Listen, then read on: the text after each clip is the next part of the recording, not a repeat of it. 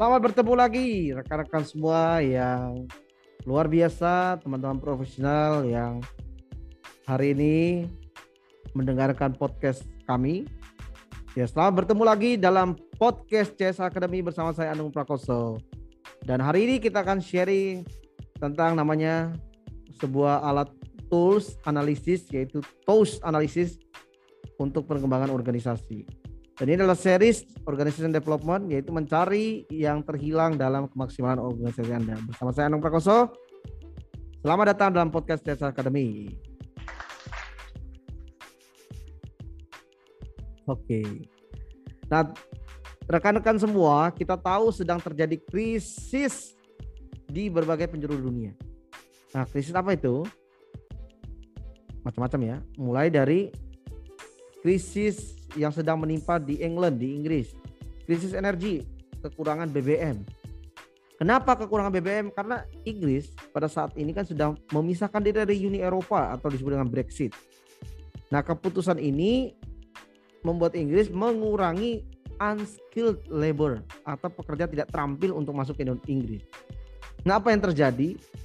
Krisis ini terjadi justru karena apa? Karena nggak ada driver untuk mengantarkan pasokan minyak ke retailer ke pom bensin pom bensin terdekat. Bayangin loh nggak ada supir. Sehingga sampai mengerahkan uh, angkatan bersenjata mereka ya untuk menyetir truk pengangkut bahan bakar. Lihat ya luar biasa sekali. Apa yang terjadi lagi di India? India terjadi krisis listrik di mana stok bahan bak, e, batu bara sebagai pembangkit yang masih mendominasi ya pembangkit listrik di sana gitu ya. Ini mengalami defisit. Karena apa? Ya karena pandemi yang berlangsung membuat operasional terganggu. Sehingga produksi dari batu bara juga mengalami penurunan. Nah, hal yang sama terjadi di China.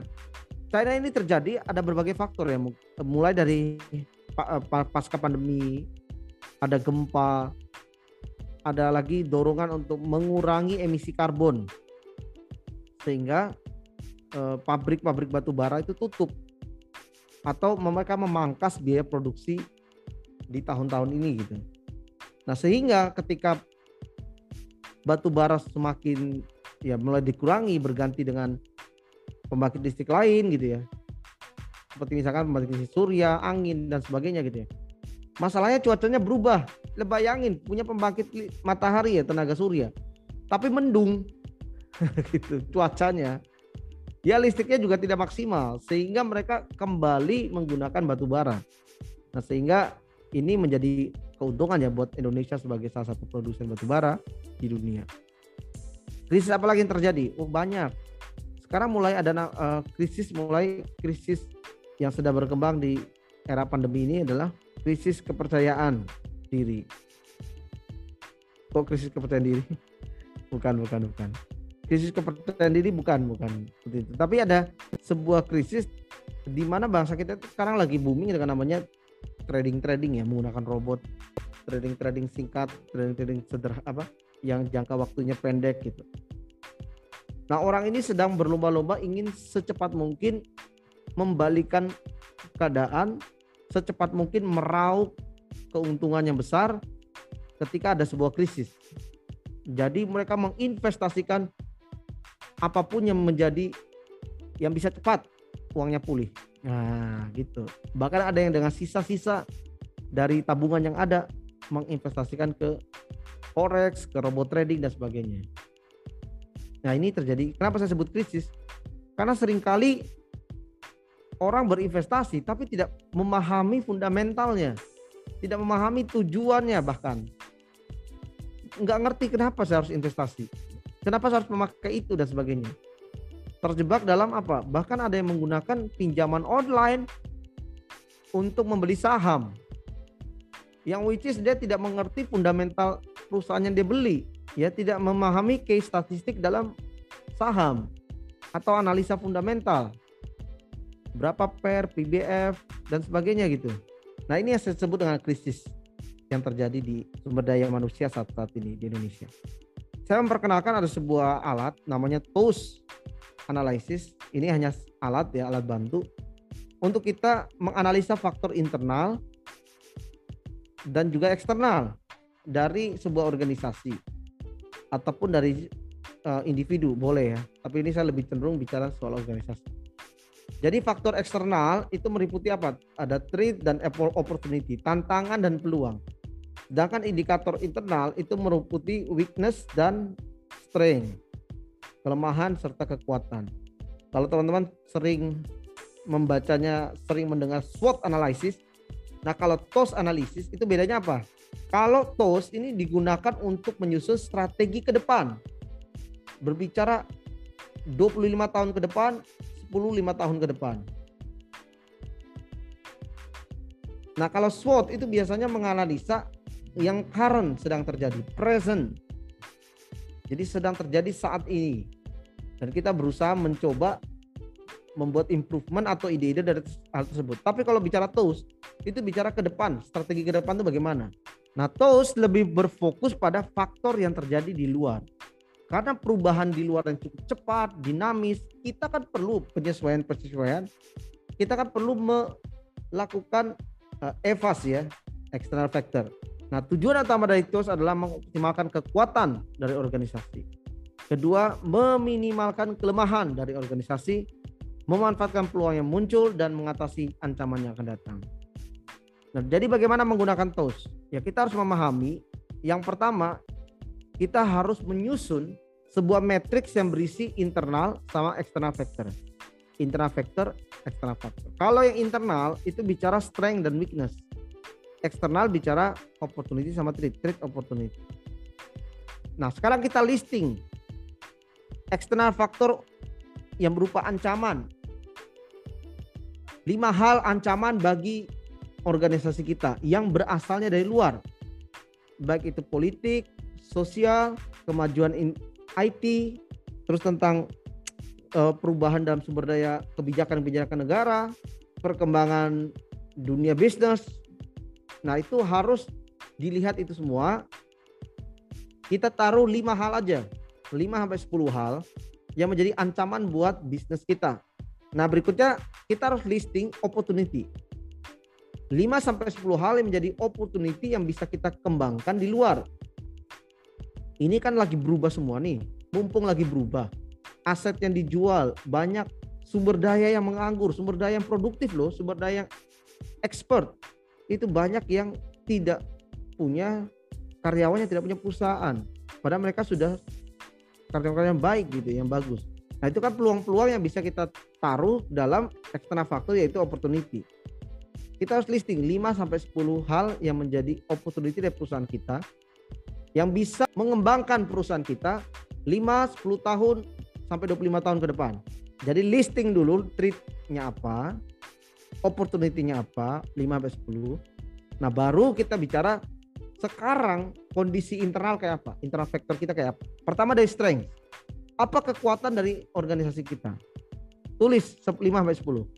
Misalkan ketika Anda punya networking yang baik, Anda punya standarisasi yang benar, Anda punya enterprise system, Anda punya layanan yang unik, after sales yang unik, tulis di situ strengthnya, kekuatan dari organisasi kita. Nah, setelah kekuatan, Anda perlu listing weakness. Apa sih kelemahan dari organisasi kita gitu ya? Mungkin kurangnya kontrol, kurangnya risk management, kurangnya learning development, kurangnya uh, strategic management gitu ya. Tulis saja gitu apa pun yang menjadi kekurangan yang kita rasa ini seharusnya dipunyai oleh perusahaan kita gitu. Pastinya melihat dengan bisnis saat sekarang ini masih bisa berjalan atau yang masih punya area untuk berkembang. Oke, jadi internal factor tadi ada strength dan weakness. Tulis 5 sampai 10. Nah, oke sudah. Ketika Anda sudah, maka taruhlah itu menjadi sebuah matriks berbanding antara ekstra dan internal. Jadi di sisi kalau saya mau boleh gambarkan ya, di sisi yang kolom Anda tulis external faktor kolom pertama, kolom kedua opportunity, kolom ketiganya trade. Nah, dalam kolom tersebut di kolom opportunity dan kolom trade tuliskan di bawahnya di opportunity ada 5 sampai 10 hal opportunity di trade 5 sampai 10 hal tentang trade ancaman itu di kolom kemudian di baris baris pertama atau yang ber, uh, baris pertama tuh juga ada ber sampingan sama eksternal faktor ya. Jadi internal eksternal faktor itu ada di pertama. Baris pertama dan kolom pertama. Kemudian di baris kedua itu ada strength. Di dalamnya kita tulis 5 sampai 10 hal strength kita. Terus baris berikutnya adalah weakness 5 sampai 10 hal tentang weakness kita. Nah, sekarang baru kita lihat ya, ketika baris kedua dan kolom kedua bertemu, maka itu disebut namanya SO strategic atau strength opportunity strategy. Baris ketiga, kolom kedua itu disebut WO strategy atau weakness opportunity strategy. Kemudian baris kedua kolom ketiga disebut ST strategies, strength and trade strategies. Kemudian baris ketiga kolom ketiga adalah WT strategic, weakness and trade strategic. Jadi ketika Anda melihat pertemuan antara baris kedua dan kolom kedua itu adalah SO strategik. Di situ Anda lihat dari kekuatan dan peluang kita, maka apa sih yang bisa kita buatkan strateginya? Nah, seperti itu teman-teman. Jadilah SO strategi. Kemudian dari weakness ketemu sama opportunity, WO strategik baris ketiga kolom kedua. Anda lihat weaknessnya. Coba lihat dari opportunity. Sehingga strategik yang bisa kita lakukan untuk melakukan overcoming weakness. Jadi walaupun itu menjadi kelemahan kita, tapi kita melihat ada peluang ke depan. Sehingga apa yang perlu kita lakukan? Mungkin kita harus perlu. Oke, berikutnya baris kedua kolom ketiga itu adalah ST strategy, strength and trade strategy. Jadi ketika kita bicara strength, kekuatan kita kita lihat, dilihat dari dengan ancaman yang mungkin akan terjadi. Di situ kita mulai bisa menulis apa sih yang perlu kita segera antisipasi. Jangan sampai trade ini benar-benar menjadi ancaman yang nyata bagi kita di saat, saat sekarang ini. Sebelum itu terjadi kita harus lakukan pencegahan. Nah itu strategik. Nah kemudian ketika baris ketiga bertemu dengan kolom ketiga, weakness udah weakness dan itu menjadi ancaman. Jadi yang perlu kita lakukan adalah minimize bisa kita bisa mengecilkan sebisa mungkin kelemahan kita dan menghindari namanya ancaman. Udah tahu kita lemah di situ, ada ancaman di situ. Nah, seminimal mungkin kita menghindari ancamannya. Dengan sekecil-kecil mungkin kita mengurangi apa yang menjadi sisi lemah kita. Jadi contoh ya paling gampang tuh kalau saya bicara perusahaan kan cukup majemuk ya banyak faktor gitu ya. Nah contoh ya saya bercerita lah pun tentang sebuah study case. Nah ini personal analysis saja tools untuk personal analysis lebih mudah gitu ya. Diceritakan ada seorang seorang pria. Seorang pria yang punya ciri-ciri seperti ini. Strengthnya tampangnya lumayan ot otaknya cerdas kemudian dia cukup berada gitu ya bisa punya uang jajan bisa nonton nongki nongki beli alat musik nonton Netflix gitu ya. Terus punya apalagi punya keterampilan main bulu tangkis. Nah olahraga oke. Okay. ganteng. Lumayan lah. Nggak bodoh-bodoh banget. Cukup uang jajan cukup nonton cukup beli alat badminton beli alat musik nonton Netflix. Ya cukup oke okay lah ya strengthnya seperti itu. Nah weaknessnya sayangnya nggak percaya diri. Minderan. Kalau ketemu terutama ketemu cewek-cewek yang agresor gitu ya. Agresif. Dan nggak punya kendaraan pribadi. Waduh. Uangnya cukup tapi kendaraan pribadi nggak ada. Ya iyalah anak zaman sekarang kan pakainya grab grab gitu kan. Grab gojek gitu ya. Pakai online gitu. Jadi nggak punya kendaraan pribadi. Nah itu weaknessnya dia. Itu disebut internal factor. Strength dan weakness. Kemudian extra faktor ada opportunity sama trade. Opportunity-nya dia punya teman punya banyak teman teman-teman cowok, teman-teman cewek yang adiknya cantik-cantik. Datang ke kelasnya dia. Ceng-cengan gitu ya. Ngeceng-ngecengin gitu. Nah, yang berikutnya lagi orang tuanya masih nggak boleh dia pacaran. Nah, itulah disebut dengan namanya opportunity dan treat yaitu external factor. Nah, gimana cara bikinnya? Seperti tadi ya, internal factor berbanding sama external factor. Baris kedua strength, baris ketiga weakness, kolom kedua opportunity, kolom ketiga treat. Strength ketemu opportunity disebut SO, weakness ketemu opportunity disebut WO, strength ketemu treat disebut ST, weakness dengan treat disebut WT. SO, WO, ST, WT. Nah, gitu ya. Nah, kita lihat di SO. Kalau di SO, kita lihat strength-nya. Tampang lumayan, nggak bodoh-bodoh banget. Cukup uang jajan, punya keterampilan badminton. Tapi ada opportunity juga.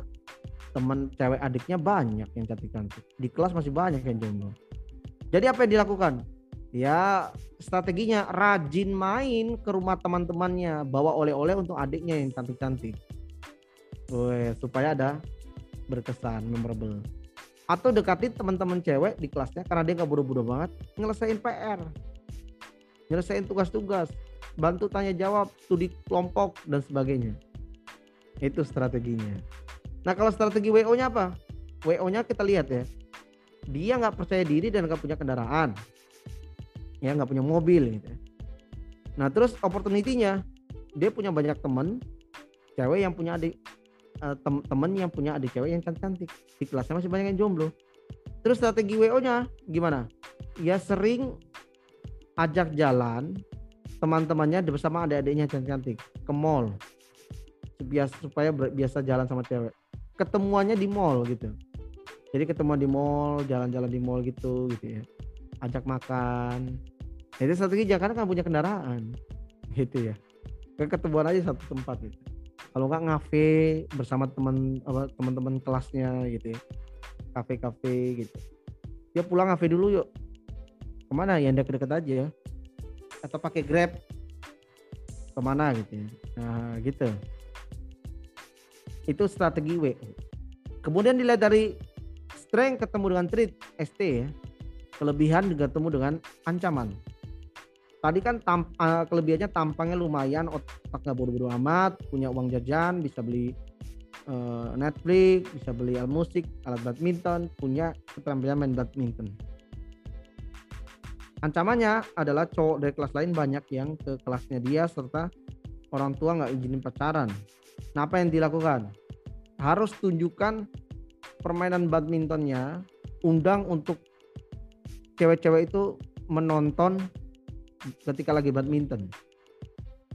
Nah kok gitu? Lah iya, kan cowok-cowok yang ceng-cengin itu kan belum kelihatan apa kelebihannya. Kalau kita kan udah jelas olahragawan, gitu kan. Jadi dia harus menunjukkan apa yang jadi kelebihannya gitu. Di tengah situasi yang seperti itu, ancaman seperti itu. Nah kalau orang tua nggak mengizinkan, ya kita sementara teman-teman aja, teman tapi mesra.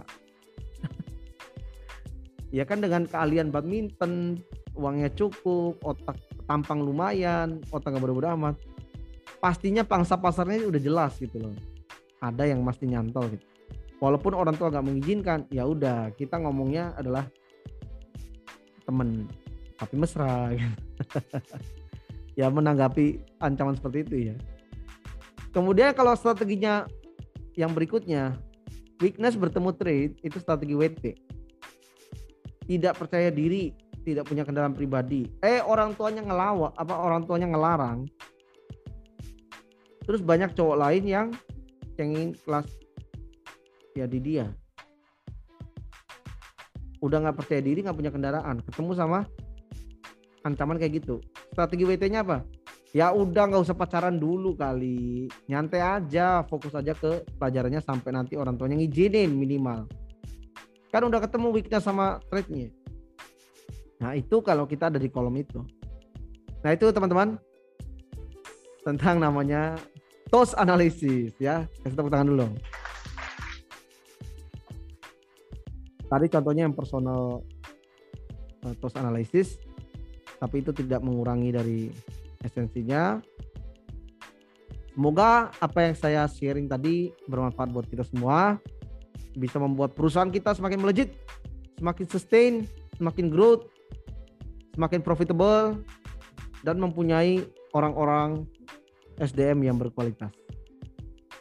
Demikian dari saya, Anung Prakoso. Sampai ketemu lagi di podcast berikutnya di podcast CS Academy. Salam スマー